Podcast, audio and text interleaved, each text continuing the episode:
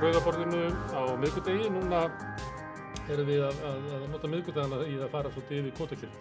Síðast fórum við yfir svindl í, í sjáratvi, alveg frá brottkasti og svindl frá með vikt og, og svo kallar fakturusvindl og hvernig hagnaðurinn er tekinn út hér og þar, gemdur í útlöndum, notar í mútur og, og, og til skattsvika og alls konar svolítið. Það var í sér þetta. Nú ætlum við að skoða áhrif kótakjörfisins á sjáarbyggðir og til þess að hjálpa mér við að skilja það er hinga komin góður hópur af fólki. Hérna er Adalsteinn Átti Baldursson, hann er formaður framsýnar á, á Húsavík. Uh, hér er líka Sveinbjörn Jónsson, fyrirverandi sjómaður, uh, vestan. Hérna er Örd Pálsson, frangatastjóri landsaband smábátægjanda og Unnur Dís Skaftadóttir sem er professor í mannfræði og rannsakaði stöðu kvenna í sjáarbygðum eftir uh, kvotakjörfið. Og hér eru tveir þingmenn, Ólína fyrirverandi, Ólína Þorvaradóttir og Sigurjón Þorðarsson. Verið öll hjertalega velkomin. Hérna, það er nú uh, vitað að, að, að það landsvæði sem að kannski misti frá sér mesta kvota, uh, kannski að frádregnum suðunisum sem að, að hérna, hefur kannski ekki verið eins mikið, mikil aðdegla og eru, eru vestfyrir. Ólína, þú hérna, uh, getur þú dreyið það upp svona hvaða áhrif kvotakerfi hefur haft á byggðurnar fyrir vestan? Já, það er náttúrulega ekki nokkur spurning að kvotakerfið hafði alveg gríðarlega áhrif á uh, byggðirnar fyrir vestan. Uh, þau við Ísafjörðardjúb, bara við djúb, þá man ég eftir að minnstakosti sex tógurum, skuttógurum, uh, um það leiti sem kvotakerfinu var komið á. En eftir að því var komið á og sérstaklega náttúrulega eftir að framsalið, frjáls, framsalið, frjálsa framsalið tók gildi, að þá, uh, þá urðu þau umskipti að byggðirnar fyrir vestan uh, mistu frá sér veiðiheimildir, mistu náttúrulega frá sér tógarana, uh, fiskvinnslu fyrirtæki voru seld, útgerði, útgerði voru seldar og saminniðust öðrum útgerðum annar staðar á landinu, fiskveiðiheimildir þar fylgdu skuttógarunum út úr byggðalæginu og fiskvinnslu fyrirtækin lögðust af mörg hver þeim, þeim snar fækkaði. Og þannig að þessi lífæð sem að sjáarútvegurinn hafði verið fram að þessu, hún bara æðasláttur hennar bara minkaði og dó. Og við höfum séð náttúrulega hverja skýrsluna fætur annari á þeim áratugum sem síðan hafa liðið sem sína það að þarna er þarna eru sum byggðalögin bara ekki svipur hjá sjón fólksflutningur út af svæðinu, uh, sérstaklega til höfuborgarsvæðisins hefur verið mjög mikill og flestar byggðirna núna berjast í bökkum í mannfæð og rýrnandi, við rýrnandi atvinnustig og erfiða innviða uppbyggingu sem afleðingu af þessu kerfi. Við vitum auðvitað að kerfinu var komið á uh, að veistakostið annar tilgangur þess var að vernda fiskistofnana og halda stýra hérna, veiðunum, það var einn tilgangur. En þegar við tölum um kvótakerfið og afleðingar þess, þá erum við að tala um þá gerð kerfisins sem var innleið, sem fór það í sér að örfáum, eða þeim sem að voru starfandi útgerð á þeim tíma sem kerfinu var komið á, þeim var útlutað öllum aflaheimildunum sem til skipta voru og svo var kerfinu skellt í lás. Og það er bara sambarilegt við það eins og við myndum bara segja núna við Reykjavíkinga, það verður ekki byggt meira í Reykjavík og þeir sem eiga þar húsnæði núna fá að eiga það húsnæði til allra framtíðar. Og aðrir sem þurfa að taka yfir höfuðið verða að gera svo vel og leia af þeim sem fyrir eru, það mun ekki koma til viðbótar. Þannig í reynd er kvótakerfið í praxís eins og, eins, og, eins og það var hannað. Og það sjá það náttúrulega allir að þessu fylgdi mjög mikið ójabræði og uh, bæði náttúrulega skortur og atvinnufrelsi, það var lokað nánast fyrir alla möguleika á nýliðun og þeir sem að höfðu heimildirnar í höndum að þeir gáttu fjenýtt þær, verslað með þær og fjenýtt þær til dæmis með því að leia þær frá sér. Og þetta hefur fýtt mikla samþjöppun og misskiptingu í sjáarútvegi allar götur síðan. Þannig að nú erum við komið með ígildi auðvalds stjættar inni í sjávarútveginum og svo bara einhvers konar leiguliðakerfi þar við hliðina.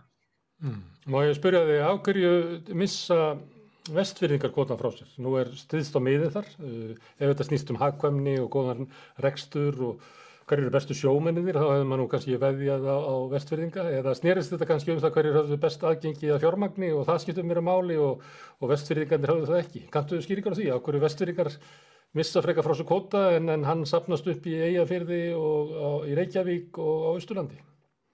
Það var, vegna, það var náttúrulega vegna þess að strákarnir á norðan sem svo voru kallaðir í ákjöndum myndaflokki verbúðinni e, þeir keiftu e, útgerðina, þeir bara keiftu hérna útgerðina og skipin og menn sáu ekki fyrir hvaða afleðingar það hefði, menn seldu að ég held til dæmis Guðbjörgina í góðri trú og töldu að þar með væru þeir að treysta í sessi atvinnulífið á staðnum vegna þess að eins og þú segir að þá er styrst á miðin. Fiskveiðu auðlindin hún er bara þarna ríkulegust byttið út af vestfjörðum. En, en sko eftir að þessi eigandaskipti höfðu allt sér stað að þá í raun og veru tóku bara einhver önnur lögmál völdin og og vestfyringar mistu frá sér veiðheimildirnar með skipunum, það var það sem gerðist út hmm. af mm. uh, eignaskiptum og útgerðafyrirtækjum og samrunum. Mm. Mm. Það er mjög hérna- flókin saga sem erfitt er að fara að rifja upp svona eins og staðan er en í grunn, grún og búnd þá er það þetta sem gerðist. Hmm. Sveinbjörn, hérna kvotakjærfið, hvernig fór það með þína með vestfyrði? Svona, hver var þín upplöðun, þín reynsla? Já, þetta er sko, þetta er nokkuð rétt hjá henni en það vantar inn í þetta sko þegar að kvotakjörfið er sett á þá eru aflasemsetningun í Íslandi þannig að það er verið að veita tiltvöldlega smáman fisk á Íslandinu. Það er eitthvað stöðar sem verður að nýta. Og þá vorum við að veiða þetta á Íslandsmiðum kannski upp undir, já ég heldina með útlendingunum kannski þarna árin áður upp undir, undir 400-500.000 tonn á ári. Og það byggðist á því að veiða alltaf mikið að smáfiski. Og með því að grísa mikið að smáfiski þá skapar þau möguleika fyrir vöxt í þeim árgangum sem getur ekki orðið ef hann ekki grísir og það sem er hluti af því sem allir brottstreymi kvóta frá vestjörnum var á þenn tíma að fiskverð var breytilegt eftir stærðum og, og stór fiskur var miklu dýrari en smárfiskur þar að leiðandi þá liti kvótasetningin strax til þess að það var miklu Sko ef þú borgar eitt verð fyrir kvóta en fær síðan að borga kannski tvöfalt verð fyrir stórfisk og með þess að borga fyrir smáfisk, þá er það alveg augljóst málar kvótin hlýtur að flytja þangað sem að mikið er að veiða stórfiski.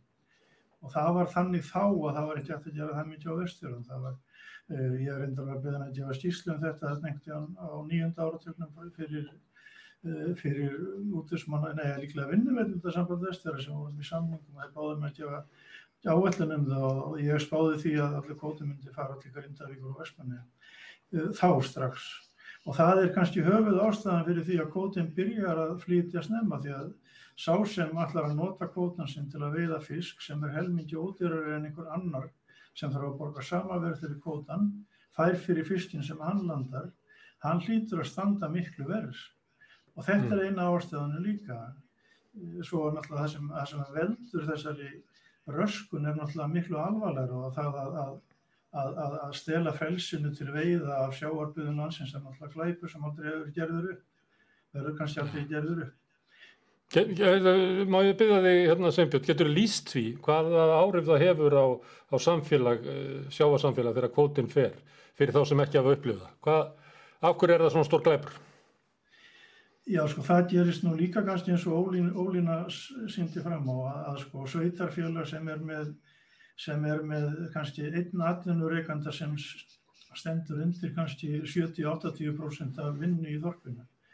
Uh, í okkar tilfelli var hann komin í eigu sambandsins sem riðið allir falls og það er byrjað á því að, að það leitað allar að ráða. Ég hafði mikla samúð með stórmennunum sem þá stýrðu þessum öllum útgjörðum og minnist þess að Guðjón heitin sem var náttúrulega vestan, að hann hjælt um freyjuna ásamt, fiskjöðuna freyju ásamt, ásamt fullt af fyrirtækjum á norður og, og landu östfjörðum og víðar.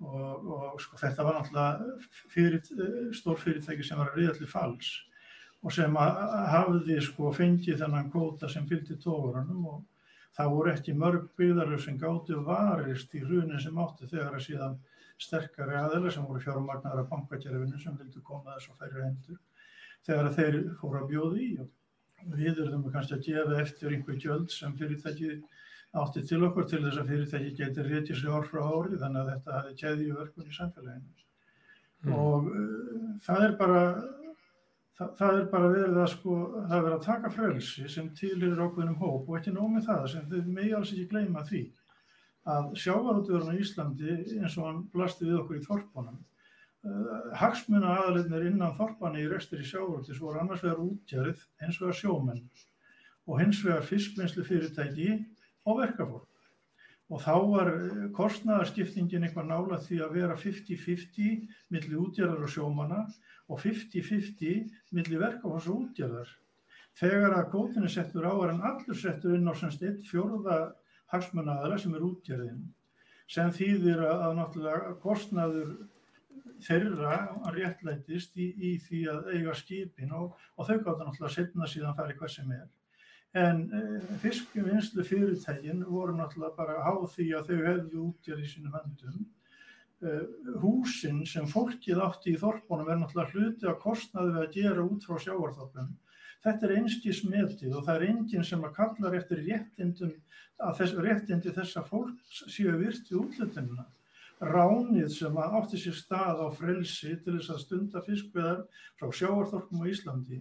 Ásamt síðan svona auka fiffum eins og skipstjóra kvótum.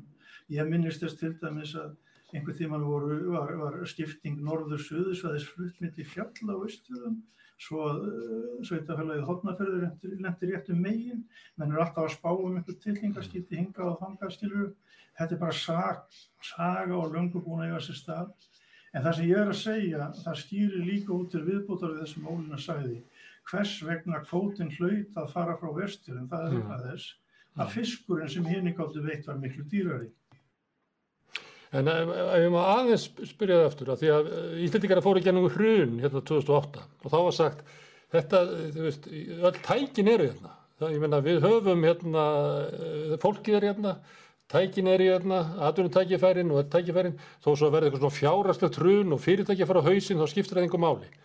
Af hverju skiptir það máli þarna með freyju að fyrirtæki stóð svona illa, nú var fristuðu sanna, tógarinn var hana, er þetta Þorbennand og þrjöða? þetta var allt saman tilbúið, fólki var aðna, þaulvant fiskvinnslu, af hverju reð fjárastlegt hrunði að hérna atuninu var kift undan fólkinu? Það er náttúrulega það sem gerist, það er einfallega það að, að þegar að fyrirtæki sem, sem menn voru náttúrulega búin að leita allar að leiða og fyrirverðandi eigundi voru búin að koma því í hendurnar á aðurinsinu töldu þar til þess bæri að halda þessu áfram og gera það væntanlega með hagsmunni þorfsins í huga. Átöldum en enga líkur á því að sambandi myndi eh, vera á fallanda fæti þó að gengi mismunandi vel hjá einhverjum litlum fyrirtækjum og, og þeir koma náttúrulega inn í bæin fullir af lofarðum um það að þeir myndi hugsa um fólki í þorfinu.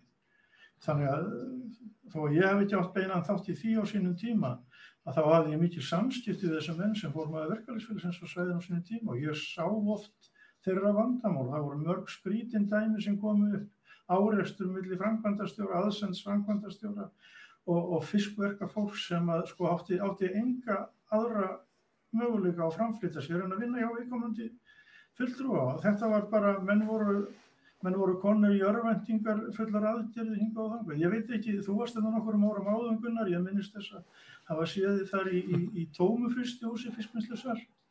Þá varst þú endanlega að vinna einhvers þar í námundaði freyjuna en þú, það sem ég sáði, það var í í tómum sal fiskvinnslu Ísvers sem þá var ekki nótkunn, ef ég maður rétt. Það er eitt sem við ákveðum að benda hans á í sambandi við þetta með fiskvinnsluna og, sko, og veiðarnar.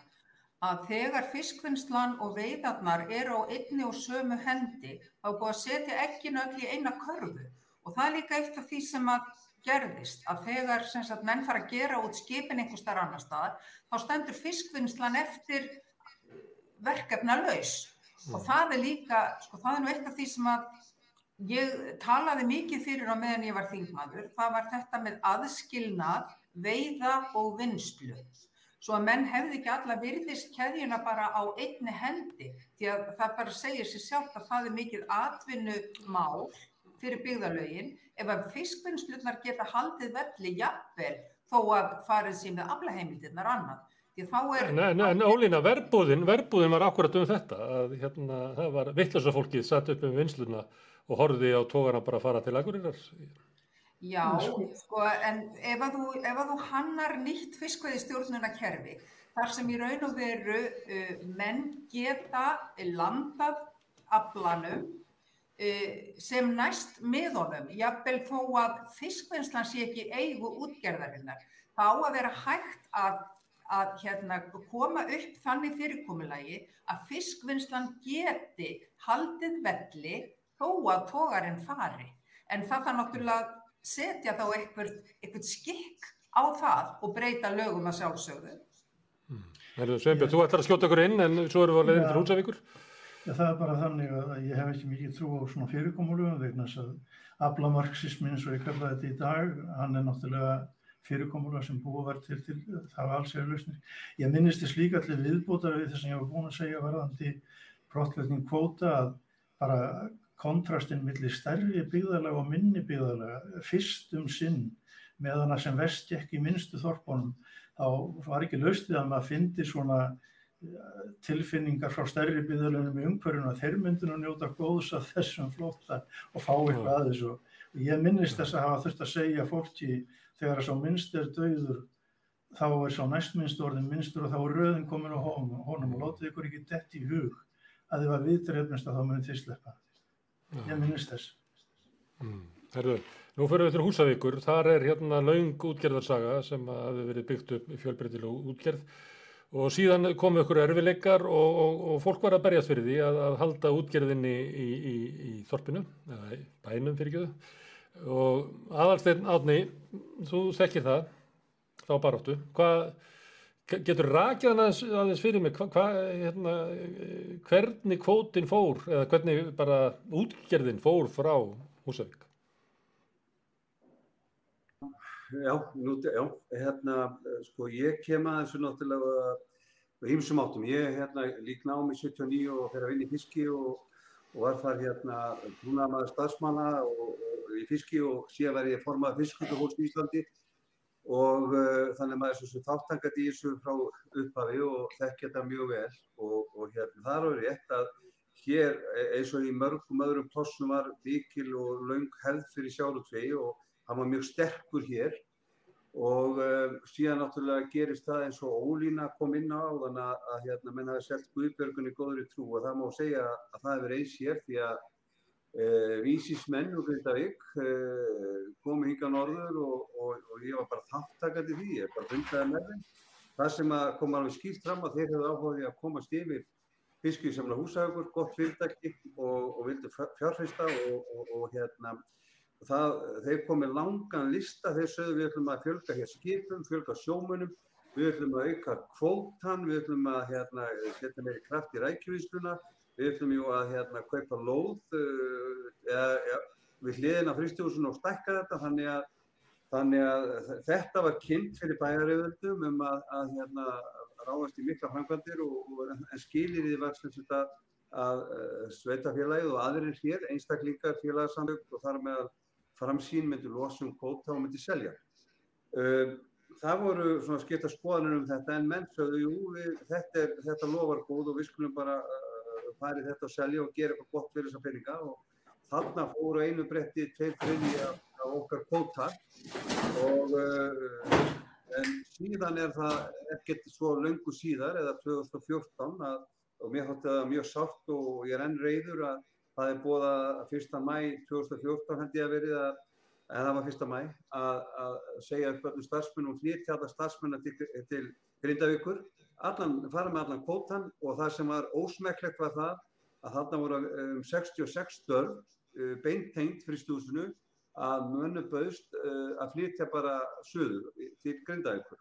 Og hérna og þá hérna var það bara þannig að öll þau lofur sem gefinn voru um að efla hér sjáur og tvegg þeir voru bara einu bretti þegar menn voru ná völdum tekin af okkur.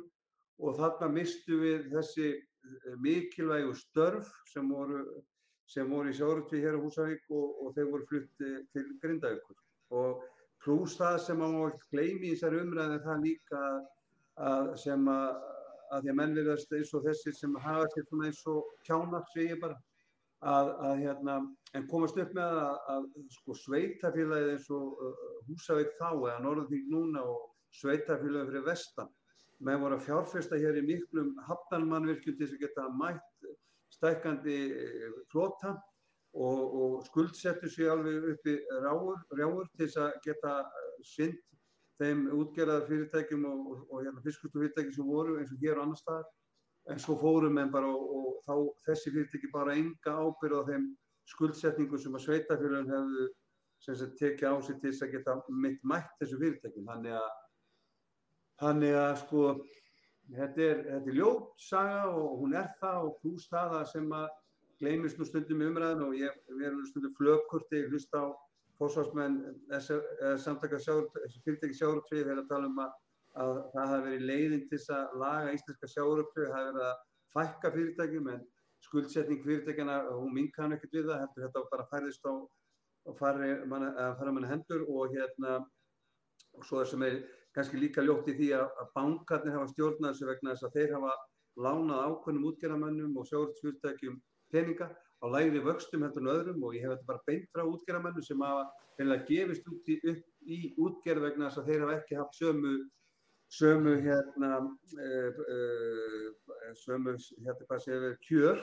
og, og þessu stærri eru þannig að bankakerfið hefur unni að því að fækka útgerðum og fiskustum í Íslandi og ég tel að það hef ekki verið, sé ekki góð þróun en, en það hefur verið að reyna heila fólk og þannig að það sé það besta Uh, Anna líka sem ég kannski ætlaði að koma inn á en, en það er nú svo margt en, en það var eins og það sem að Ólína reyndi að koma inn á líka var þetta hérna, veiðar og vinslu. Ég hins vegar þegar við sem vorum inn í fiski, við vorum ekkert á því að, á, á, hérna, að, að uh, klippa hérna einhvern naflastrengum millir veiða og vinslu vegna þess að þau, hérna það okkar fólk í fiskvíslu sem að hafði hvað bestu kjörin var fólki þar sem að var það sem að vinna var hvað örugust, það sem að útgerða fyrirtækjum voru með fiskust líka, það sem skipin fiskuðu fyrir vinslunar og, og þar var örugast að vinna og bestu kjörin, en það sem að þetta fór ekki saman, þar voru alltaf verri kjör og allt annað starfsöryggi, þannig að ég veit hins vegar að sjóminn, að því ég er nú með blanda félag, bæði sjóminn og landverkahóp,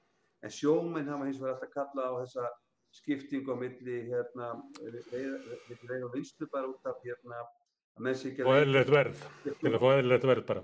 Herðu, hérna Viljálmi Birgisson félaginn á Akranesi hann lýsir svona hvernig Akranesikar voru mistu bara sjávarútvinn sem hafi byggt upp skagan sem hafi verið, ég held að Viljálmi fullir þetta hafi verið þriðja stæsta löndunahöfnin á Íslandi, ég veit ekki hvort að það er.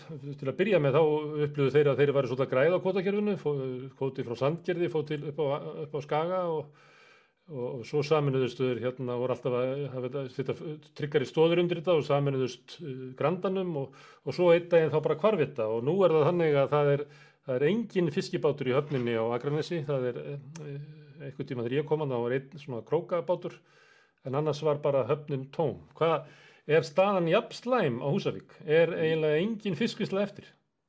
Jú, sem betur fyrir eru nú hér heima aðla sem að hérna fóru á stað með fiskvislu og hér er ekki mjög öflug fiskvisla sem er í gegnum GPG. Þeir eru, eru með fiskvislu á Húsavík og, og góða útgerð og, og rauvar upp líka og tengjast á snæfisnesi líka þannig að Þannig að það, það er, það er, hérna, er öflug fiskvisla Húsavík en ekkert eins og var og. Alls, al, al, bara alls ekki og, og hérna, en svo líka þegar þú talar um þetta og talar hérna varandi félagin minn á skaganum að, að svo er þetta þetta einmitt að, að sko með þú græðir á kerfinu eins og með hérna, þú nefnir eins og með núna, Grindavík, Vestmanni er, Reykjavík, er ekki Reykjavík, sennilega hæsta kvót, hæsti kvótastæðar á Íslandi, ég held, ég held að sé Reykjavík og svo Vestmanni er Grindavík og svo náttúrulega Akureyri Uh, Grindavík er ekkert að kvarti við kvotakerfinu eða Vestmanni eða, eða Akureyri en, en, en síðan náttúrulega er svolítið gaman að fletta í sögunni að, að, að hérna, þegar við erum að missa uh, 66 manna, 70 manna vinnustæð hérna til Grindavíkur og, þá heyrist ekkert eh, neitt í þeim hann fyrir sunnan, bara fagna þess að fá allan að kvóta, en á sama tíma þá var nú þingmaður framsvonarflóksins sem var nú Páll Jóhann Pálsson sem var nú tengtur vísi, að, að, að þá hefur verið að ræða sölu einhverju smábót frá Grindavík og Östur og Fyrða og Fáskusfjörða ég maður rétt og með einhverju smá kvóta en þar er sko skortir ekkert lýsingarorðin um það að það sem lýstir yfir vannþóknun á þeim meirhluta sem er að, að, að ráða að stoppa ekki þessa ábyrðar og þessi ábyrðar og domgrinda leysi að, að þessi kvóti sé að fara úr sveitafélaginu. Þannig að þetta er svolítið svona sko að meðan þú sleppur með þetta græð á kerfinu þá, þá þegjur en, en hinnir eins og ég og fleiri við erum hins vegar mjög ósátt við mm. þetta heimil eða sko að kerfi skuli bjóða upp á þetta að setja lama heilu sveitafélaginu út af þessu, þessu kerfi. Mm. Uh, Unnurdís, nú hérna færum við okkur inn í staðina. Þú gerði rannsókn á, á stöðu kvenna í, í sjáarbyggðum eftir kvotakerfið. Kant að segja okkur aðeins uh, frá því uh, breytingunum sem að fól, fólust með kvotakerfinu á, á samfélagunum? Sko það sem að ég fer þarna fyrst 89 til nokk þekkja að sjá bæði frá austan og vestan. Og síðan far, aftur, aftur, far ég aftur þarna 27, 96 og 97 og það sem ég, það, það var ekki mikil umræðum kvotakerfi fyrir, fyrir, fyrirferðinni, þá er ég heilt ára semst á teimistöðum, en þarna uh, það sem var áhagvert sko bara við þetta út, frá mannfræðinu, út frá félagsvístum, að ég náttúrulega skoða kannski aðra þætt heldur en þeirra ræðum, er bara þessi orðræða sem var svo ríkjand á þessum tíma um kvotakerfið, þar sem var eiginlega fyrst og næst verið að pæli hag, hagræðingu og það var raun og verið mjög lítið að ræða um sem sagt umhverfisvend eða, eða auðlindirnar þó, þó svo það var svona af, af að tilminnst að það og þessaklega var ekkert fjallað um svona þess að félagslegu þætti eins og til dæmis karl og konur og hvort þess, þetta hefði einhver áhrif á samfélag eða konur í sjáaböðum. Þannig að það þætt tótti jafnvel sko undarlegt eða bara svona óviðigand að vera eitthvað að tala um kyni í þessu sammengi. Fólk bara mm. fannst, fannst að vera eitthvað, bara eitthvað sem kemur málun ekki við. En það glemdist að konur hefur náttúrulega, eins og var minnst aðeins á þess að vissverka fólkið og með konur hefur náttúrulega mikið bæi á þessu stöðum. Eh, mm. Ekki bara með því að vera að vinna í fiskinum sem kannski algengar að þá að íslenska konur var að vinna og, og konur sem að byggja á stöðunum. Heldur voru að líka virkar að margar annar hátt, sko, þarna eins og að sjá um ímsleiti tengslu til dæmis við smáutgerð, alls konar sambandi við inn, innkaup eða bókald og, og fleira. Þannig að þar heldur alltaf lífinum ekki gangat oft í landi á mörgum stöðum og heimilónum og þarna, en þar höfðu segjan engilega enga rödd og bara þegar að kvotakerfi var komið á og þær, þær kom ekkert að því á neitt hátt. Það var fyrst og finnst karlmenn sem voru ráðandi á sveitastjórnum á þessum tíma, það voru karlmenn sem voru ráðandi í sjáurutveginum og það voru þeir sem að, þarna mótið umræðina og konur einhvern veginn voru ekki þáttekandri í því uh, og það kannski var bara mikið, það var bara lítil almenn umræða meðal hvenna fannst mér á þessu tíma. Þær höfðu mestan áhuga á því að þar hefði miklu meira áhuga á, sagt, á þessum tíma sem ég var að, að tala við þær að á samfélagið og mikilvægi þess og viðhaldið því og að kvótin væri sem sagt að bundin meira byggðunum. Mér fannst, miklu, mér fannst svolítið ákveðs að kynjamönur í því á þessum tíma Það þær töluðu meira um mikilvægi þess að Já, tengja... Já, ég tala við kall og ég tala alltaf líka við kallmenn mm. en ekki bara konur og mér fannst þeir meira að tala um svona þessi efnaðslegu þætti og, og, og einstaklingana, þeir töluðu meira út frá einstaklingunum og, og svona mm. uh, en konurnar meira út frá samfélaginu fannst mm. mér, ég fannst þeirra munur þar á þessum tíma, þess 90 eitthvað 96 og 7 En kannstu mert eh, mun að sko, samfélagin hefðu orðið fyrir svona áfalli?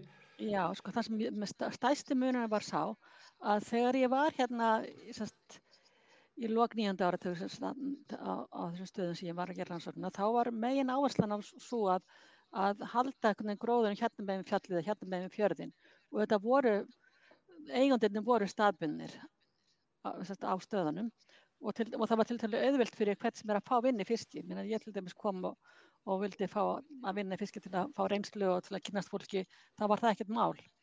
En þegar ég kem síðan setna þá er eignahaldið alveg flutt frá stöðanum og þeir sem eiga fyrirtækin þeir eru ekki mikið svona þáttakadur í samfélaginu og hafa Mm. ekki sérstaklega skoðan á sem sagt, lífi fólksins í bænum.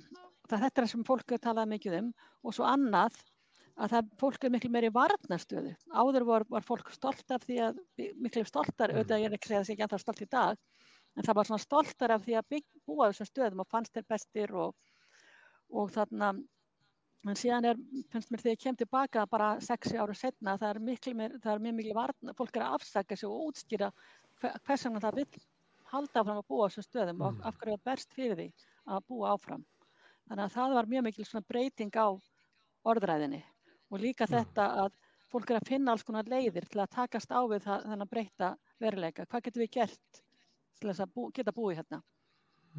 Þannig að þú varst varfið að svona, svona, það sem við getum kallað svona útibúvæðingu að það sem áður var útgerðamaðurinn eða fyrirtækið inn í þorpinu og voru, gat, svona, við getum með ímynda okkur þetta allir þorpsbú, þetta er ekki ákvörðun um, þróunina að þá var hún tekin innan, innan hérna, þorpsins en, en í setni ferðinni að þá var eiginlega allar ákvarðanir um framtíð þess að þorps teknar ykkur staðar langt í burtu. Já, það er það sem að fólk talaði um, sem sagt, að það fannst Mm. að vera svo fjarrri og þarna, þannig að það skipti einhvern veginn ekki máli lengur fyrir Mm. og þarna, svo sé maður þarna líka þetta með að hetjur hafsins sko, sem er, eru svolítið farnir að dofna með kvotakerfinu og um leið þá eiginkonur sem sagt, og svona hugmyndur um karlmennsku og, og kvenleikan. Mm. Má ég spyrja, það meitt, þótt ég veit ekki alveg hvort að þú hefur verið að rannsaka það. Svolítið út frá því sem að Sveinbjörn var að segja, að, að þegar að, að þetta byrjar að þá er hérna, missa kannski minnstu bæirnir frá sér kvotan fyrst, þingari og, og slíki staðir. Og þá er talað um svona, já þá græðu við bara sem er aðeins starri og, og ég man á þessum árum að þá var eiginlega talað um samfélagið á, á litlum stöðum sem eitthvað sem maður mætti bara missa sín. Að þetta væri hérna í stað, væri að koma hagræðing og aukin skilvirkni og aukin arður og eitthvað fleira. Og þetta væri samfélag sem bara stæði í vegi fyrir því og á leið okkar til framtíðar þá mættum við bara missa þetta. Kannastu við svona þessa hugmyndir um að, að þetta væri óæðri samfélag Já, ég varð mjög mikið verið við þetta sem rannsakandi. Viðbreið mm. sem ég fekk við rannsóknar til dæmis því ég var að kynna hana hér eða var ástæðnum í Reykjavík sem sagt að það var þessi hugmynd, byrju, hvers vegna er þetta að skoða þetta, þetta er hvað sem er að líða undir lok það var svona ákveðin svona hugmynd um nútíminn einhvern veginn fælist í því að þessi þorp þyrfti eiginlega að fórna þeim það væri svona fórnarkostnaðurinn þessi þorp mm. og það væri þess með ekki þess virða að skoða þau að fólk bara, Mm. að vegna er þetta að skoða eitthvað sem, það, sem er hvað sem er að líða undir lok og það á ekki framtíð fyrir sér og það ætti ekki að framtíð fyrir sér að það verður óhag, að óhagkvæmt að því áhersla var Mm. náttúrulega á það að, að á hagræðingu og þetta var einhvern Mm. veginn fórtakostnaðurinn að, að láta bara þor, minnstu þorpum para Mm. þetta, þetta er orðað sem ég, er umræði sem mann mjög vel eftir Já, það væri einmitt gott ef við næðum ykkur svona þroskaður um, umræðu um þetta hérna á landinu. Það rifjast þau fyrir mér að hérna fyrir einhverjum árum, er ekki þrjú eða fjóru ára, þá var það hérna Ester Duflo sem er þróunarhagfræðingur sem fekk Nóbesölunin. Hún hefur verið að rannsaka sagt, uh, samfélög sem að verða fyrir uh, áföllum og meðal annars í einni rannsóninni þá rannsakar hún hérna, Vestmannjar, góðsinu þar. Og hún segir sem svo að, að þegar þessi svæði eru skoðuð, þeir verða fyrir ykkur milli áf áfalli og þeir eru að skoða fólki sem að verður eftir og fólki sem að fer, að þá er það þannig á þeim mælikvarðum sem við höfum að þá hefur fólki sem að fer það betra. Það er með herri laun þegar, þú veist, 20-30 árið liðin frá áfallinu. Uh, Bönnin eru betur mentuð, það býr starra og svona öllum mælikvarðum sem við höfum. En svona almennt þá er það svona 85% af fólkinu sem að fer ekki. Og það sem við höfum alltaf verið að horfa á, segir hún, að hérna er fjárhagslegur ávinningurinn af fólkinu sem að fer, að það hlýtur að vera jákvætt, að það er fólki sem að fer úr verri stöðu í betri stöðu. En hún segir, vandin er sá að við kunnum ekki að mæla á hvað liggur að baki ákvörðinu á þeim sem að fara ekki. Verðmætin sem að er í samfélaginu sem að fólk kýs, frekar heldur en það að vera með aðeins hærri laun eða að, að barnið mitt verði sko tannlagnir í staðin fyrir að, að vera verkstjóri og allt slíkt. Og, og, og, og það er vandamálið okkar því að það er augljóst að fólki er ekki vitlust það er ekki að velja ránt, það er ekki 85% sem velja ránt að vilja vera áfram á þingari það er að velja eitthvað veðmætti sem að við erum algjörlega blind fyrir og það sem að það veldur því að við erum svona blind fyrir þessu er að við erum sífitt að taka ákvarðanir sem eru rángar, ekki byggðar á raunverulegurum vilja fólks. Mér dætti þetta bara í hugþjóðast að tala hvort þeir mætti hérna hvort að Ester Duflo og þú séu ekki bara á svipari línu varandi þetta Já, sko það sem ég náttúrulega sé að fólk, finnst, eins og segi, það fólk var, var, komið í einhverju sko varnarstöðu. Það þurfti að afsækja það skýra út fyrir mér, sem komið auðvitað frá komandi, af hverju það velur þetta. En nú náttúrulega hef ég búin að gera fullt af rannsóknum síðan og meðalans er ég í miði kafi stóri rannsókn núna, þar sem ég fer, en meðalans við á Húsavík og þess, þessum stöðum. Og þá sé ég það, fólk er líka bara leitað öðru. Það er, það er sko, við erum að tala um fólk bæði sem hefur búið allar tíð og líka sem hefur flust til staðana, fyrir þess að sækja, sækja sættir annars konar gildum og til dæmis frið og ró, til dæmis bara nátt, vera nálagt náttúrunni. Það, menn það er svo margt sem fólk er að sækjast eftir sem að kannski er, er, er annað heldur en það sem að Mm. Er gert ráð fyrir því að fólk endur þessi að sækjast eftir. Já, og við kannski í almenn umræðu kunnum ekki að tala um vegna þess að það er ekki mæli einingarnir á því og, og allt, allt Já, það. einmitt. Já, það er ekki bara gamla sagan um sko lífsgæðin anspænis hinnum hör, har, hérna, hörðu hagfræði, hinni hör, hörðu hagfræði. Lífsgæði og gildi sem að fólk sem er búsett á einhverjum tilteknum stað metur ofar einhverjum öðrum kalkulerað, kalkuleruðum hérna stærðum eins og já, launum eða, eða einhverju stöðu í þjóðfélaginu. Ég þetta, sko, og mér, þetta er nefnilega mjög áhugaverð umræða líka vegna þess að, að því ég nú verið þingmaður fyrir byggðalag sem er, sem er byggðalag í vörn að það er þegar dauðadómurinn er feldur af öðrum í samfélaginu. Það er bara sagt, hvað eru þið að gera þarna fyrir vestan? Það er óhagkvæmt að reka þessar samfélagseiningar þarna. Það er best að fólk bara flytji suður og hætti þessu bulli. Sko fyrir þann sem að býr á staðnum og fær slíkt gildismat yfir sig, sko það er bara eins og fyrir Úkrænum mann sjálfsagt í dag ef að, ef að heimurinn neitaði að standa með þeim í þeirri stöðu sem þeir eru. Þetta er bara í raun og veru, sko, og þetta er sko mannfræðilegt rannsóknarefni held ég líka svolítið bara inn í framtíðina.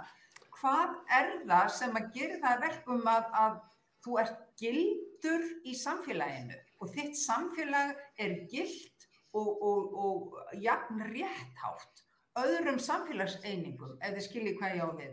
Já, Og þetta er það sem hefur gerst á vestfjörðum og er að gerast víðar á landinu sem afleðingar bótakerfunu ekki síst. En það sem við sjáum líka einmitt út af, einmitt út af því sem Ólin er að segja að fólk er að leita alls konar leiða og við þessna sjáum við til dæmis fyrir vestan og Ísafjörðun og fólk vill búa á stöðunum og það er að finna leiðir. Það er nýtt fólk að koma sem að líka er að finna leiðir. En því fólk sækist eftir í að búa á, á minni stöðum. Það hefur einmitt það, ekki en það er ekki réttlæting frá því að taka af þeim allan kótan og þessu verðmætti sem að fylgja því. eins og maður heyri stundum í umræðinni að það er bara, sé bara gott að fólk missi kótan og þá finnur það eitthvað. Býr sér til hérna eitt sem ég kannski myndi líka alveg minnast það sem að tengja sér svo að tala um áðan er þessi sko að auðvitað var ekki bara eitthvað allt jafnrétti og allir jafnir þannig áður og auðvitað var, var það ekki þannig og síðan skapar og, og, og þarna kótakerfi allt ójafnrétti en það er bara svo gífurlega mikill munur á Já. þessum auð sem sapnaðist sem að semst, var ekki fyrir. Þetta voru oft þessu, þessu þorp í eigu ákveðna fjölskyldna og, og, og, einstaklinga meira og minna en þarna það er samt sko allt annað heldur en að þegar kóðakjöru kemur þessi gífilega mik mikil munur sem verður eftir það Já. Það er ranns, það er líka rannsónarefni munurinn á því sem hann var fyrir kótakerfið þar sem útgerðamadurinn var eins og mætti kannski kalla svona fremstur með jafningja inn í sínu svæðin var háður samfélaginu. En þegar að kvóta eigandinn er komið langt í burtu þá er mjög auðvelt fyrir hann að taka ákvarðanir sem að leggja sko atvinnu uh, tækifæri heilu þorpanna í rúst. Það er bara, En það var líka mjög áhugaverð þarna þegar ég var að tala um fólk þarna 90 og eitthvað, hvað margir sem að jafnvel grættu á kvótakerfinu voru samt verið svona siðferðislega á móti því. já, Þeir, töldu, þeir voru á móti því en þeir segðu ég, ég, ég, að, ég er að græða því já, já, en ég, ég, samt, ég get ekki annað en þegið þetta sem ég fæ. Já. Ég get berga fjölskyldinu minni, ég get gert svo margt fyrir þetta en í prinsipin er ég á móti þessu, þessu siðferðislega sem sagt. það minnir mig á senu með Humphrey Bogart í einhverju bíómynd þar sem hann sagði sorry sweetie but I have to kill you hann var, Það var ekki hann kurtisina en hann bara varða að, að, að skjóta konuna. Það var það miklu hagsmur. Já, herðu, við erum búin að tala svolítið um gildi smára og samfélagana og, og þá förum við til smábótaegandana sem eru hugmyndir okkar um þá eru trillumadurinn sem er algjörlega óháð, óháður öðrum, lifir í sjálfstæða lífi í kyrðinni við að, að dorga eftir fisk eitthvað starf út á speilsléttum miðum. Það er kannski ekki alveg þannig raunveruleikin, en hvernig, hvað segir Örd? Hérna, hvernig hérna, kvótakerfið hefur farið með sjáarbyðunar út frá sjónarhóli smábátaveikanda? Já, þetta er nú búin við mjög frálega umræður og, og ég myndi margt sem að kemur inn og, og maður hugsa um smábótana. Það er til dæmis eins og að hafa ekki öll leggin í sömu hverfunni og það er akkurat þetta sem smábótarnu uppfylla að þó einum gangi illa þá er alveg eftir heldin að öllum þessum aðlum og nú ég finn það líka að þegar kvótinn fór svona mikið eða mjög mikil kvóti fór, fór sumum byggðalögum að þá voru náttúrulega sjómenn sem að uh, voru atvinnuleysir og þá var nú einhvern gerði ansóknum það að uh, sá aðli sem ætti erfiðast að uh, aðlaga sig einhver öðru starfi að það var sjómaðurinn. Þannig að hann sumir þeirra náðu að, að kaupa sér smá bótt og hefja útgerð og þetta var alveg gerlegt þannig á fyrstu árum bótakerfisins og töluvert já, nánast alveg til aldamóta, má segja. En það sem að ég finn líka í þessu dæmið með smábótana og það sem að maður ofta að sjá líka að þegar fjölskyldan öll var í útgerfinni að uh, Kallin, jú, hann, hann sá um að róa og fiska og, og allt svo leiðis en síðan sá konan um uh, það sem að var uh, umleikis í kringum útgerðin og öll aðfeng og annað slíkt og þetta var alveg stórkostlegt að sjá svona fjölskyldu fyrirtæki hvað þau gengu vel. Því að auðvitað er náttúrulega mjög erfitt að vera einni sem þetta bæði að róa og beita allt saman, að beita í landi og, og, og sjá um all aðfeng og annað slíkt að þetta er náttúrulega ekki á færinum að snillinga sem náttúrulega eru margir í mínum röðum. En varðandi það líka það sem að mér fannst alltaf sátt að sjá að þegar hérna aðeins tóku ákvarðunum að selja og uh, voru kannski með alveg þokkalega útgerð en þetta gerðist uh, yfirleitt þegar var kannski skerðing á veiðiheimildum og öðru slíku og þeir töldu sig að þeir gætu ekki bætt við sig og annað slíkt svo byrjaði þetta nú þannig þegar smábátarnir voru byrjaði kvotanum að að uh, þá var uh, fiskvið árið aðeins 8 mánuði frá 1. janúar til, til loka ágúst. Svo byrjaði 12 mánuða tímanbili og menn voru að fá sama kvótan í þorski á 8 mánuðum og svo 12 mánuðum svo þar á eftir. Og þetta ítti mjög mikið undir það að selja. Og það sem að ég er að koma líka framfæri þarna að að aðilinn sem að sá um að róa og, og, og færa fiskin á landi og annað slikt, hann hafði gríðarlega mikið hlutverk í plássinu.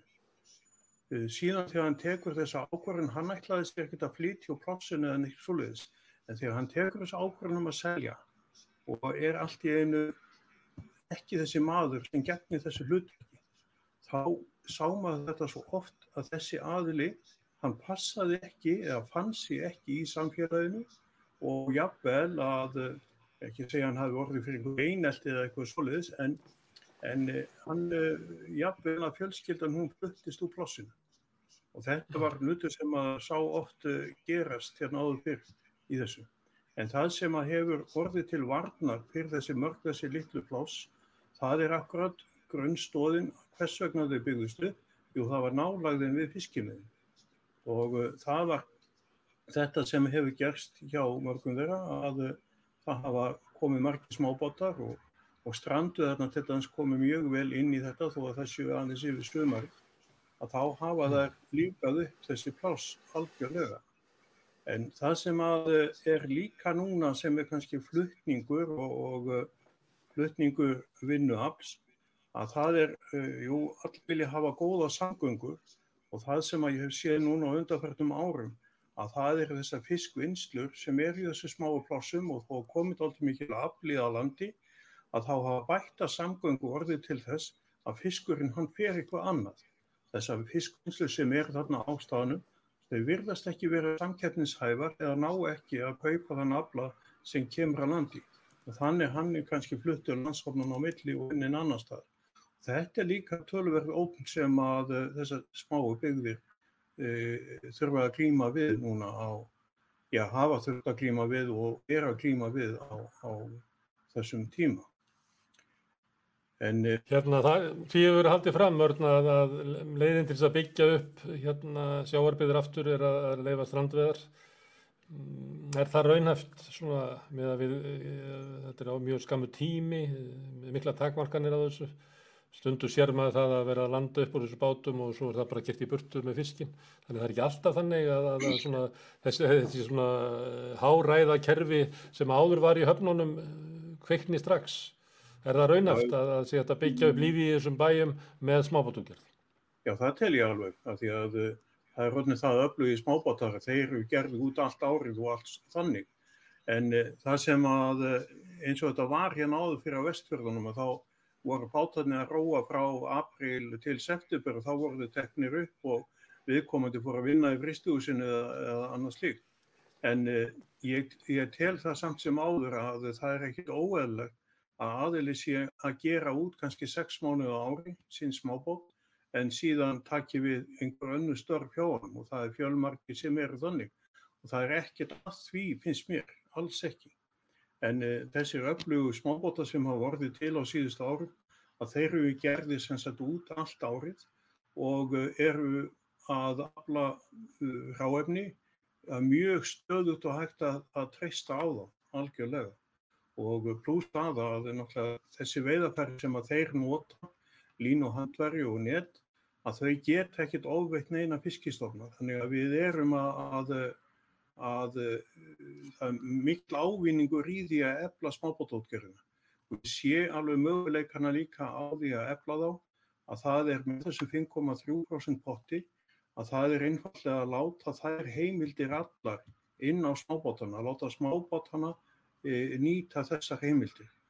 Ég er alveg samfærðið um það að það kemur mörgum þessum uh, smáu byggðalögum til góða. Mm. Sigurjón, ég ætla að... Ég aðeins bæti við... Sveinbjörn, já, örstuð. Mér finnst þú að vera hóvæg að tala um örn að það þurfi sér að auka, færi einhvern smá plott á milli. Ég hef nú reynd að halda því fram hér í mörg ára að það skorti einhvern 5 miljón tonna heldarafla þorski miða við ásetning sem vísindamennir löðullur grundvöldar þegar það út í þetta kerfi var farið. Ef ég mann rétt þá ætluðu þeir að koma meðal nýliðun á Íslandsmiðum í þorstofnunum upp í 200 miljón nýlið á ári og þar leðandi hefði átt að vera veiða eitthvað um 400-500.000 tonn á ári af þorski. Og það eru komin 30 ár síðan og hefur engin, engin einlega talið ástæðu til þess að kalla það til svona stýringa á því hversum það er ekki tekið og mér langar til þess að benda ykkur á það sko þetta eru vísindamenn sem eru notaði sem undirstafa undir þær breytingar á þau kerfi sem búin eru til mm.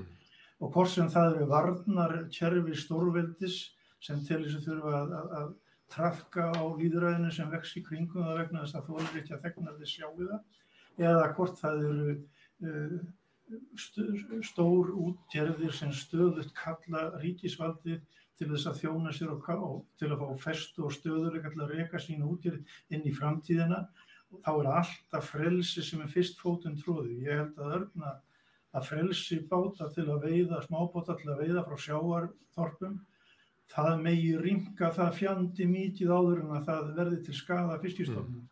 Rendar vantar að grísja fisk fyrir vexti og nýliðun á Íslandsmiðun og hefur vantað lengst mest allan þann tíma sem liðin er síðan þetta örgl var sett á. Mm. Já, við ætlum að ræða eh, þetta svip, eh, sem að, Sveinbjörn er að drepa hérna á sem er þú hvort að, að stjórn fiskveðana, hvort að hérna, eh, hefur tekist að byggja fiskistofna inn að gótakerfisins.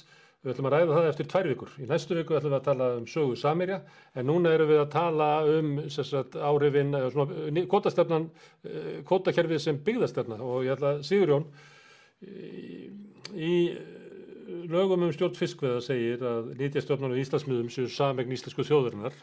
Markmið þessara laga er að stuðla vendun og hagkvæmni nýtingu þeirra sem við ræðum eftir tvær vikur og tryggja með, tryggja með því trausta atvinnu og byggð í landinu. Uh, hvernig hefur það gengið, Sigurðan? Að tryggja byggð í landinu, gott ekki rið. Nei, það er þetta ekki. Það er slögt á hljóðinni þar. Já. Herðu, já, það er náttúrulega tölun að segja það svart á hvítu og þetta hafi ekki tekist vel til.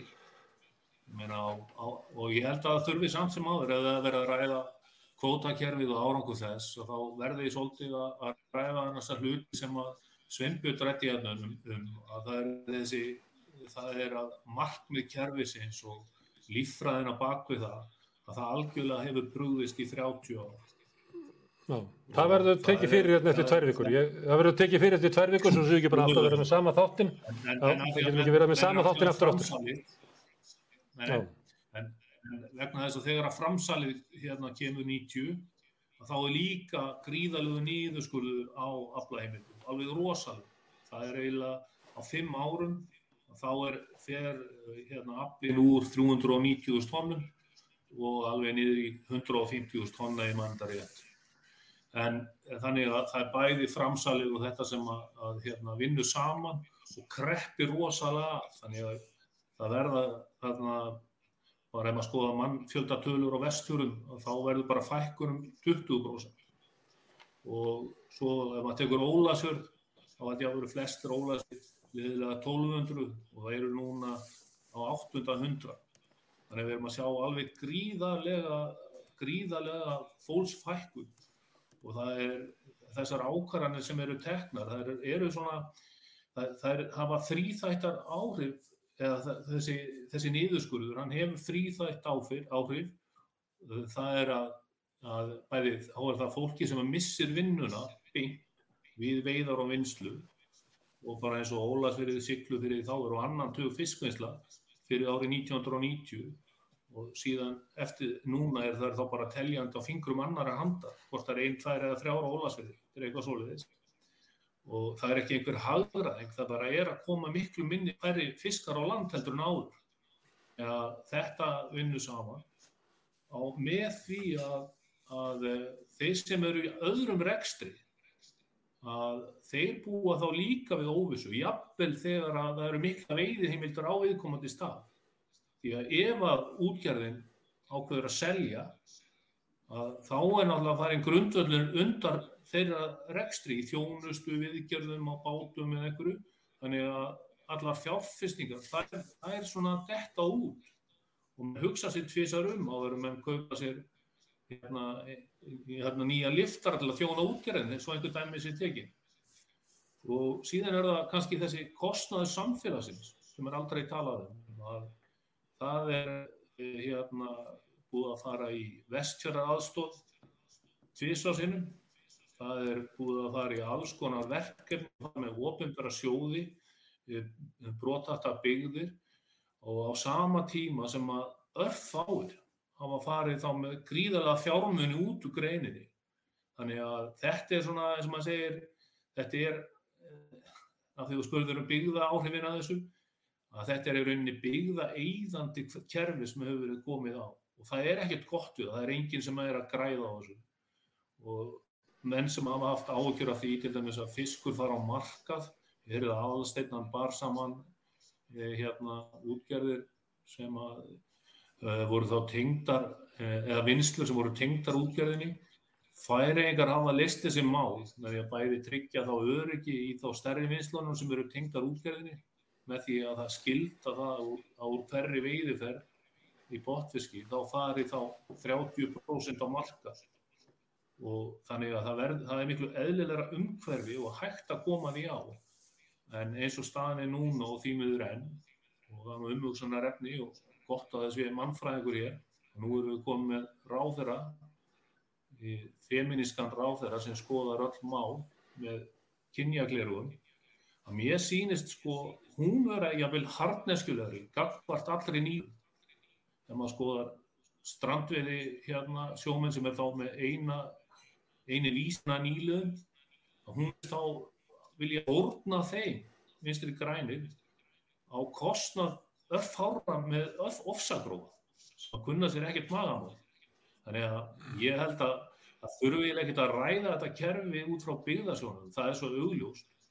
Það sem mér hefur alltaf þótt svona þurðulegast og sárast að horfa upp á, að það er svona hvernig byggðastofnun sem á að gæta hagsmuna byggðana og hún hefur verið svona hálfgert múlbundin af, af pólitíkinni.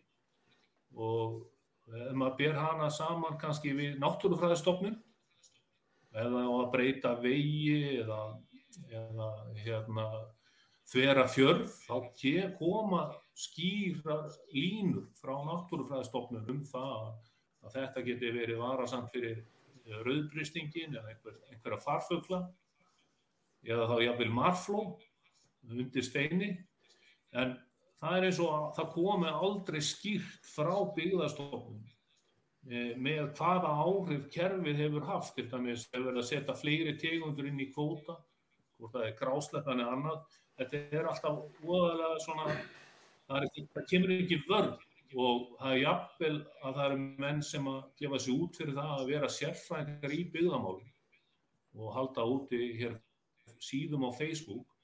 Eins og Þóróttur Bjarnason sem að, að, að hann hefur aldrei tekið þá skýra afstöð eh, í þessu fiskuðum og opnað á umræðan að það að hvernig er þá hægt að gera þetta kerfi manneskjulega því að þetta er fólk því að það er búið að missa eh, eða það er það verður bara ef við tökum bara eins og fasteitt sem er kannski lífeyri fólks.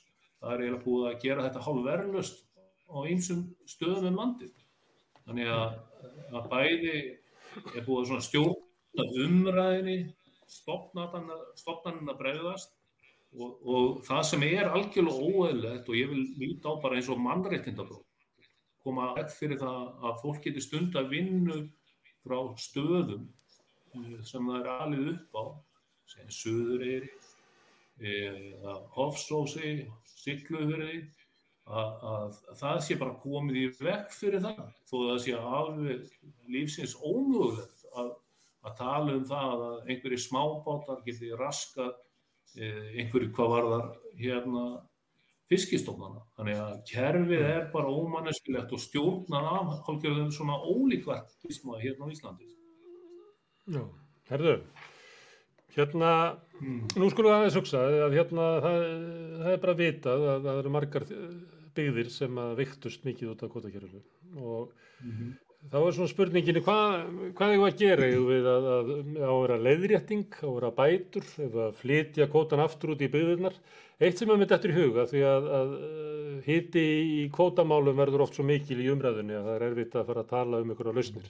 Þú nefndir Þórótt Bjarnason, hann sagði mér eitthvað tíma að hann var árið döðþreyttur á því að tala um um, um sjáurundismál og kóta því að Þóruður. það væri skammaður á alla Þóruður, já, Bjarnarsson það væri skammaður af öllum. já, já. það væri bara það væri eins og að bara stinga hausnum inn í, inn í þvóttavel að taka þátt í þessu. Það heyrði engi hvað maður segir og allir er ákvæmlega með sitt og þið kannist við þetta þetta er svona heit umræð, þannig ég ætla að taka dæmi af öðru.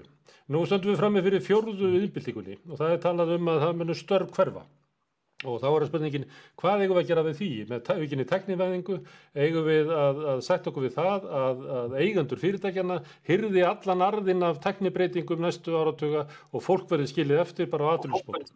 Eigum við að gera eitthvað í þessu? Ef málið er hins vegar að þessi breyting hefur þegar átt sér stað innan sjáratöksins fyrir á, uh, þegar kvotakjöfrið byrjaði og svona fyrstu áru þess að það voru um 12.000 manns í fiskvinnslu, nú er það um 2.000 þannig að það farið 10.000 fiskvinnstustörf út úr greininni, fyrst út á, fóruð á sjó og svo fóruðu inn í teknibreitingum og svo einhver leiti hafa verið flutt úr landi og allt það. En það eru 10.000 störf sem hafa horfið út úr sjáratvegi uh, ef við setjum þetta bara á lámaslögn að þá er þetta 45 miljardar sem eru ekki lengur greittir út, sem að fara ekki út í samfélagi, hýslast ekki upp frá höfninni í Húsavík og, og, og þau veitir hvað ég er að menna. Er ekki, þetta er ekki svona afvaki inn í, inn í samfélagunum. Heldur er þetta líklega peningar sem eru bara þá aukinn hagnaður hjá þeirra sem eiga þetta. E, hvað hérna hvað gerum við frammi fyrir þessari sko gríðalegu tilfæslu á auð og, og eða bara tækifærum sem að hérna kótakerfi leiðir bæði út af samsjöppun, út af tækniníungum Sko, er, það sem þarf að gerast er það, það þarf að umbylta þessu kerfi. Það er bara það sem þarf að gera. Uh, við breytum auðvitað, við getum ekkert sko stoppað klukkuna eða stöðvað tækniníungar í sjáarútvegi, þróun greinarinnar og svo framvegis. Auðvitað verður það saman að fá að hafa sinn gang. En við verðum að breyta kerfinu. Svona atvinnugrein, hún á að vera næring út í allt samfélagið og það sem gildir mestu þá er í fyrsta lagi að þessi þjóðar auðlind sem að útgerðin nýtir, að hún verði færð raunverulega yfir í hendur þjóðarinnar. Síðan er náttúrulega mjög mikilvægt að þeir sem eru að nýta auðlindina núna, að þeir geri það á einhverjum skilmálum, til dæmis með tímabindnum nýtingarsamningum, til 12 ára eða 20 ára og að þeir verði að uppfylla einhver skilirði til þess að fá að nýta auðlendina með þeim hætti sem þeir gera. Það, sagt, þeir meg ekki vera staðinir að brottkasti, þeir verða að stunda sjálfbæra nýtingu, þeir verða, verða að virða lög og reglugerðir, ganga skinsamlega bæðum fjármunina sem að, sem að verðmætin skapa og skinsamlega um auðlendina sjálfa. Þetta þarf að gerast og fyrsta skrefið í því er auðvitað að það þarf að koma hér, það þarf að koma, innleiða hér nýja stjórnarskrá með virku auðlinda ákvæði þar sem að er litið á allar auðlindir landsins sömu augum og þeir sem hyggjast nýta þær verð fái tímabundin útlutað, útlutað tímabundnum nýtingarleifum til þess að gera það til einhvers x tíma og þeir greiði arð og leigur af sínum nýtingarleifum. Alveg eins og bara ef að maður fær hérna, ef að maður hérna leigir bara húsnæði í blokk. Það er ekki hægt að útluta húsnæði til allrar eilíðar til einhverja einstaklinga og fjölskyldna. Kerfið sem við búum til við í dag hefur skapað hér fámenna auðmannastjétt, útgerðar aðal, hérna íslensku ólíkarka og við mm. viljum ekki sjá það til framtíðar. Ef það á að vera hægt að hérna, reka atvinnugreinandar í landinu þannig að er skili arði inn í samfélagið að þá verða líka allir sem að, að þeim standa að gera sér grein fyrir samfélagslegri ábyrðsynni inni, í, inni á því aðtapna sviði. Við nefndum hérna áðan hver væri munurinn til dæmis sko þetta með fjarlægðina frá staðinum, gömlu útgerðarmennir hér í gamla daga Þeir voru búsettir á staðinum, þeir skildu samfélagslega ábyrð sína og voru í lifandi sambandi við það samfélag sem að þeir voru hérna, ráðandi í sem atvinnureikandur. Í dag er, er þetta farið að snúast um alltaf aðra hluti. Það er komin fjarlæð og það er komin tilfinningarlegu kuldi, það er komin svona okkur róf á milli atvinnuvegana oft á tíðum, sérstaklega útgerðarauðvaldsins og samfélagsins sem að þó nærir það. Þessu hmm. verðum við að breyta og við gerum það ekki, okkur tekst það aldrei nefn okkur takist að vinda ofan af þessu óreittláta kerfi og koma einhverju skikki á nýtingu sjávarauðlindarinnar með tímaböndnu nýtingakerfi. Mm. Alls þetta náttúrulega, þú varst hérna formaður bildar uh, í uh, verkamannasambandinu eða starfskræðansambandinu fiskvinnslu fólks, það er ekki til lengur, það eru svo fáir sem eru í fiskvinnslu að ég hitti Flosa, frangatastjórun ykkar og var að tala um að það þurfti að endurvekja þetta starf því að það væri óþólandi að hlusta alltaf á sama fólki frá SFS, tala um sjávarútvekk, okkur er ekki einhvers talsmaður fiskvinnslu fólks við borðið, alltaf tala við sömu konuna og tala um sjávarútvekk í Íslandi, þá sannig það er bara 2000 manns og fannst þetta og það væri ekkit, væri ekki þess virði, en það var eins og 12.000 mann sem unnaði fiskvinnslu, hvað eru bara fiskvistu fólki bara eina af þessum töpurum kvotagjörðisins og við höfum bara ekki tugsað meira um það. En alls ekki sko síðan er ég tapara vegna þess að ég, eins og segja sko, ég held að sko það voru fyrir ekki fundir hjá fiskvistu fólki hérna fyrir ekkert allt um öllum árum. Þegar ég var sem formaði þeirra á sínum tíma, það var bara stór fundur á og til loftlegum þá, að eitthvað hvað maður í dag, en En eh, sko alls ekki og, og, og ég er ekki saman því ég held að menn eigi að sko halda vöksinni og, og reyna að hafa áhrif á þetta kerfi. Það er eh, samt sem áður er það þannig að, jújú, jú, Ólina kemur inn á þetta enda, enda þekkir nú vel til mála en, en máli er það að það skiptir engu máli hvaða, hvaða flokkar stjórna á hverju tíma, það eru mennir bara ekki tilbúin að breyta kerfinu og það er þetta að sakast við alla flokka og, og ég hef að fylgjast með þeim og, og bara hvað eru að fara og annað. Þannig að, þannig að, að það sem að sko sportir á það er einhver heilstað umræð um þetta og þannig að mann vilji breyta. En ok, ég er bara nefndum um einhverja sjálfstur á það um kvotakerfið og hitt og þetta og það er, þetta er alltaf tekið upp til umræðu en svo gerist ekki neitt. Og, og áfram búið bara við þetta hérna, ég sé bara umræða kerfið þetta er í dag og fiskvistjórnarkerfi á rétt á sér sem hérna, fiskvistjórnar svona já, tæki eða svona sem stjórnun á, á hérna, því sem við veiðum úr sjónum en, en öðru leiti þar sem að framsól annað sem kom til sögunar að, að náttúrulega hefur mm. gert þetta kerfið eða einhverja úrskapnaði sem allir tala um að sé úrskapnaði en samt er engin tilbúin það er, er, sko, er engin flokku tilbúin að taka á þessu kerfið Það er, það er bara, við þekkjum dæmi bara, ef við tökum bara bandaríkinn, rifiamarkaðin í bandaríkjum, það vita að þeir eru bara ruggl, en þeir bara stjórna stjórnmálunum. Við veitum að herrgagna framlistan í bandaríkjunum er bara ruggl, þeir stjórna bandaríkjunum og bara langt inni og tölvöld árið bara á frang og heimsmála. Er þið ekki bara í þeirri stöðu í Íslandi að, að ólíkarkarnir stjórna stjórnmálunum og þess vegna eru stjórnmálinn hérna mun aldrei gera neitt til þess að skerða völdra? Sko ég er bara, sko, bara algjörlega samanlega sko, og hérna, ég sem að hérna, fylgist vel með pólitíkinu er að reyna að vinna einhvern framfæramála og hvort það er sjáurúttur önnu mála þá sé ég eins og núna nú koma einhver nýju þingmenn og það er hérna inn á þing og þá er meiri menn, menn meiri áhuga fyrir því að það sé að selja vín á 1. mæ og 17. júni opna lögjuna þannig að sé að verður með átíða ferð og oppiða á 17. júni og 1. mæ heldur við taka á þessu kerfi sem við erum að ræðum hér sem er laungu tímabært og, og þarf að taka á en það er bara ekkert, sko, maður sér að það er engin áhuga fyrir því menna miklu meir áhuga fyrir því að, að við getum færið í á 1. mæði eða 17. júni og vestlá okkur vín. Mm. Þetta er bara staðan á allting í dag og, og í pólitíkinn því miður og hvað getum við gert sér að breyta þess að ég veit það ekki að því maður er svona þreyttur á því ég er búin að, er að lifa og hrærast í þessu mikill áhuga maður um þetta og annað ég er bara, ég skal bara viðkjöna það ég hef enga list hvernig, hvernig getur breytið að þetta verður eitthvað, eitthvað vitt í þessu Sigurjón, nú fyrir við að styrta þetta eins, hérna, þú varst uh, kosin á þing til að breyta þessu kerfi, uh, hérna, frjálsættiflokkur var stopnað til þess að breyta þessu kerfi. Sér þið von til þess að þetta sé eitthvað skánar, erum við komin nærði að geta breyta þessu? Nú kerfið við bara vestna á tímafílunum, hvað er að gerast? Er von? Já, það er, einmitt, sko, ég held að hluta þessu, hérna, hvað okkur, hérna, gekk, hérna, hvað þetta gekk illa það var líka að umræðan var svolítið máli eins og þetta skipti ekki máli. Ef við vorum kallaður í, í umræði þætti sem að gerist öll sjaldan á ríkisútvarpinu til dæmis, þá vorum við að ræða önnur máli en okkar hjartans mál.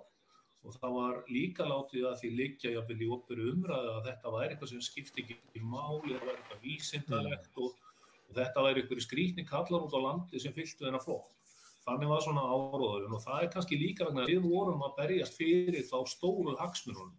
Nú eru fleiri og fleiri átt að segja á því að kannski voru þessi kallar út á landi að segja eitthvað að viti og, og við erum kallaður aftur inn í umræðina sem betur fyrir. Og ég held að þetta breytist og ég vil aðeins taka undir að, hérna með þér að hlutinir hafa verið að breytast til eins verða.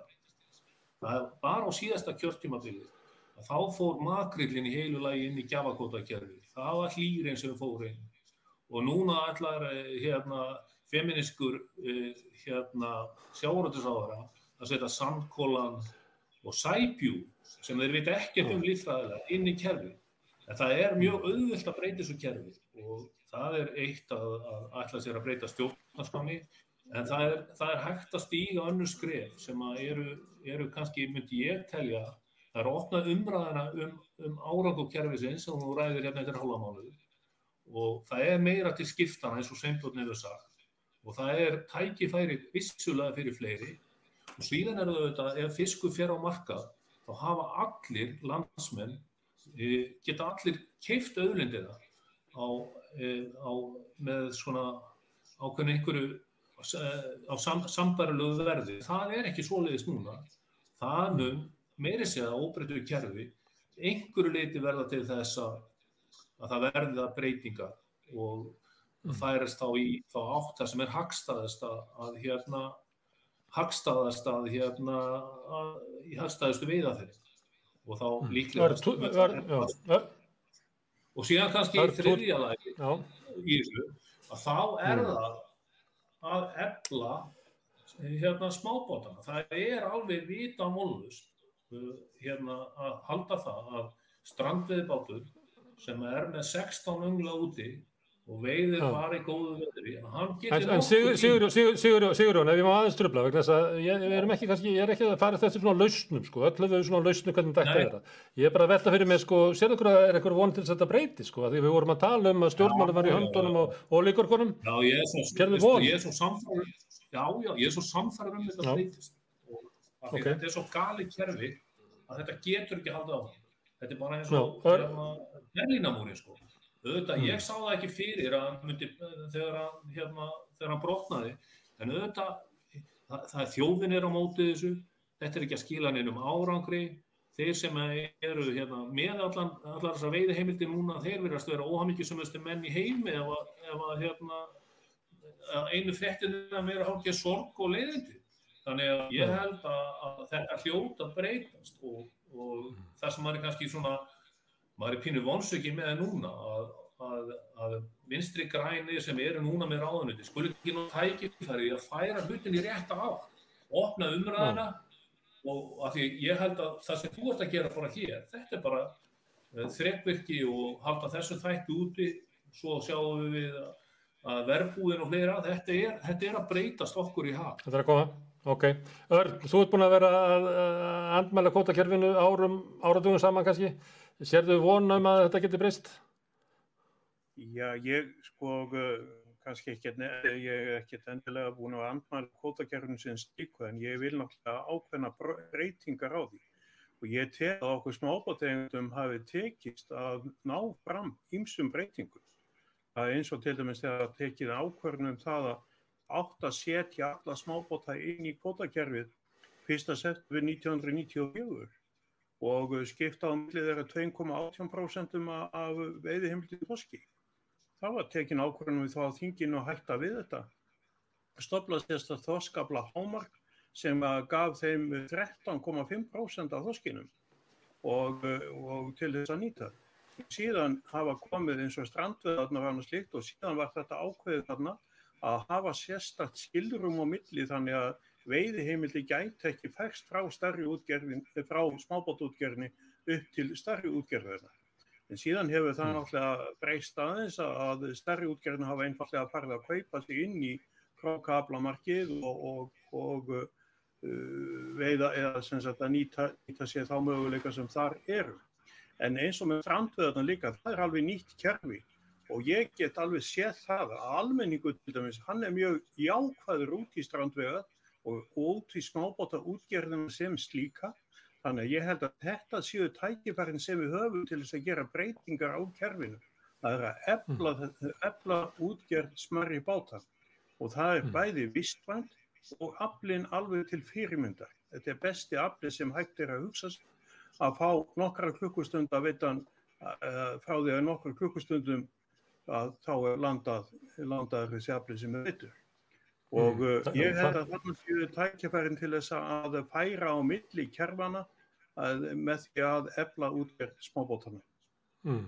Það er En talandum það er gæði... kannski eitt, eitt líka sem ég vil koma hérna inn á sem að ég vorði undrandi yfir að eh, þessar dreifðubygðir og smarri byggðir sem eru kannski jafnveg háðar mjög mikið smábótunum að það er ekki gefið að við fáum stuðning frá bæjar og sveitastjórnum hjá þessum aðnum og það finnst mér alveg hérna með ólíkind Mm. að það er að grenja Vegna- það út Vegna þess að þeir eru tengt einhverjum uh, stærri hagsmunum í gegnum sína flokka, líklega. það er ekki ósennlegt Já. Herðu, ég ætla að fá að enda hérna á, á unnitís hérna, sem venjulegu manneskir í þessu vegna þess að þau hafa öll verið bara að, að rífastu kótakerfið árum árum tóðu saman. Já, Hvernig, ég ég, baka. ég, ætla að fá að nota þessi venjulegu manneskina og mannfræðingi. Já. Hvernig hérna, virkar þessi umræð á því? Finnst þér sko umræðan á kvotakerfið vera þannig að hún sé líklega til þess að ná fram einhverjum breytingum? Þú talaði svolítið um þetta áðan, þú veist að tala um mismöndi sjónamið í, í, í, í, byggðunum sem þú varst að skoða. Konunar horfðu meira á byggðakvota og svona samfélagslega gildi á meðan kallarnir voru mikið að tala um hagvæmni og svona og, og þeir tók ákvarðinar og kvotu fór burt. Eh, Sérðu, sérðu fyrir þér einhvern veginn að við, þjóðin sem eigum þessu auðlind, að við eigum eftir að ná saman um eitthvað svona eh, sátt um það hvernig henni nýtt, þannig að hún sé nýtt í þá og okkur allra. Til miður held ég ekki. Ég bara, það eru alltaf mikil hagsmunir í húfi. Þannig að ég held að það sé, sé þarna, ég á mér eftir með að sjá það fyrir. Ég kannski sá það meira áður og held kannski fyrst svona, fyrst árategin að maður myndi, var hægt að breyta einhverju en það er kannski einhverja plástra meðferðir sem að, maður sér aðeins en það er ekki hægt að breyta kerfinu held ég því miður. Og þarna, að það er bara svo opaslega stórir hagsmunir í húfi. En ég verði að viðkynna Þú- að ég var bara ymmit út af þessum miklu deilum, þá var ég bara fegin því að þetta taka þátt í þessar umræðu og fór að snúa bara því að þau, það eru margir erlendi sem er að hissa þegar, þegar þeir he- heyra mig segja það vegna þess að þar eru þau oft svo viðkvæm mál en hérna er það kvótamálinn sem eru svo erfið og ég held að það Já. sé bara alltaf, alltaf stór hagsmunur og alltaf valda mikið fólk sem, að- sem að og eins og Ólína hefur bent á tengist stjórn, stjórnmálum og það er alltaf erfitt að breyta þessu ég, held, Já. ég er mjög svart sín að það sko. að, að kerfið held sé þetta breyta Það þýðir það að ég get ekki endað þáttinn á þér, það er bara þannig. Við getum ekki endað á því að, að við höfum raunverulega farið svo langt inn í ólíkarkaveldið að það er bara að þeir munu stjórnaði og get ekki breytið þessu. Umræðan hvernig við erum að reyna að kljást við að sé svo eh, erfið og, og, og grimm að við getum ekki náðu þessu. Þannig að Ólína, þú verður að gefa okkur okkur von hérna í lokin. Þú nú, ég veit þú ert að fara á tónleika þannig að þú þarft að heita upp svolítið og opna hjartað og huga. Geðu okkur von. Já, ég held bara að líkillin að öllum breytingum sem verða eiga sér stað til batnaðar í þessu sem öðru sé að siðvæða samfélagið. Okkur tókst það bara ekki nógu vel eftir hrun en, og við höfum ekki, sko, við ætluðum náttúrulega að það var mikil krafa um, um siðvæðingu og siðferðilegan styrk eftir hrunið. Okkur hefur ekki tekist neitt íkja vel frá þeim tíma að bæta um betur en það er auðvitað það sem við þurfum að gera og halda kröfunu á lofti um sko að það sé eitthvað jafnræði og jafnvægi í þessu samfélagi sem við byggjum. Við þurfum að passa að það myndist ekki og viðhaldist ekki þessi sterku hagsmunatengst milli sterkra uh, hérna, atvinnurekenda og stjórnmálavaldsins Núna er staðan þannig að útgerðin og auðvaldið í landinu á sína fulltrúa inn í öllum stjórnmálaflokkum. Og ég bara, þegar ég hugsa um það, sko þegar ég kom til leiks sem þingmaður þarna í kringum 2009, bjart sín og trúið á það að það tækist að nota viðspyrnuna eftir hrun til þess að uh, koma á betra samfélagi og breyta meðal annars þessu mikla réttlætis leiða þetta mikla réttlættismál til lykta sem breyting á fókótakerfinu væri og sjá svo síðan hvað gerist þegar vélarnar fær í gang. Þegar hagsmunatengslinn og hagsmunaaðelefni byrja að stilla sín tannhjól. Það var mjög sár reynsla og þess vegna veit ég hvað við er að eiga. Þess vegna verðum við, við verðum að halda uppi þessari kröfu um siðvættari stjórnmál og heilbrigðari, kröfum heilbrigðari starfsættu og heilbrigðari kerfi, heilbrigðari mekanisma í þessu samfélagi sem við byggjum saman. Herðu, kæra þakki fyrir það og þá líkur þessu kapla í skoðun okkar á, á kótakerfinu. Þetta var, vorum að ræða núna um árið kótakerfis og byggðirnar. Næst ætlum við að reyna í þessu formi að, að segja sögu Samirja sem að e, segir náttúrulega svolítið hérna, er náttúrulega saga kótakerfisins e, í sjálfum sér. Síðan verðum við að ræða um, um hérna, eftir þær vikur, eins og við komum fram hérna, um uh, uppbyggingu fiskistofnana innan kerfisins og þá kannski koma Sveinbjörn og Sigurjón sem að vildu ræða það mál núna og koma kannski að ræða það þá við fiskifræðinga og aðra sem að hafa þekkingu og reynslu af þeim málum. Og svo höldum við áfram, við ætlum að ræða um ímis konar rekstraform og alls konar hluti í kvotakjörinu því að það er náttúrulega endur þetta að tala um kvotakjörinu, við erum bara að tala um samfélagið okkar eins og komið fram hér, við erum að tala raunverulega um það hvernig við, almenningur, höfum mist völdin yfir hvert samfélagið okkar er að þróast, bæði í litlum byggðalögum og í landinu í held í hendunar á þeim sem hafa völdin og auðin til þess að, að stýra og láta stjórnmálið raunverulega bara dansa í kringum sína hagsmunni. Á morgun verður rauðaborðið um eitthvað allt annað, ég veit ekki ennþá hvað það er, við erum svolítið að velta okkur hérna fyrir okkur á samstöðinni hvernig við eigum að eiga við Úkrænu, hvort að við eigum að láta Úkrænu leggjast yfir alltaf þættið eða hvort við eigum að bara búa til sér þáttum Úkrænu, við sjáum til. En ég þakka gestum minni kjallað fyrir Sigurðan Þorðarsson, Sveinbjörn Jónsson, Örn Pálsson, Aðalsteinn Átni Baldursson, Unnur Dís Skaftadóttir, Ólína Þorðardóttir og hlustundum fyrir að staldra við og hlusta á okkur. Takk fyrir þetta.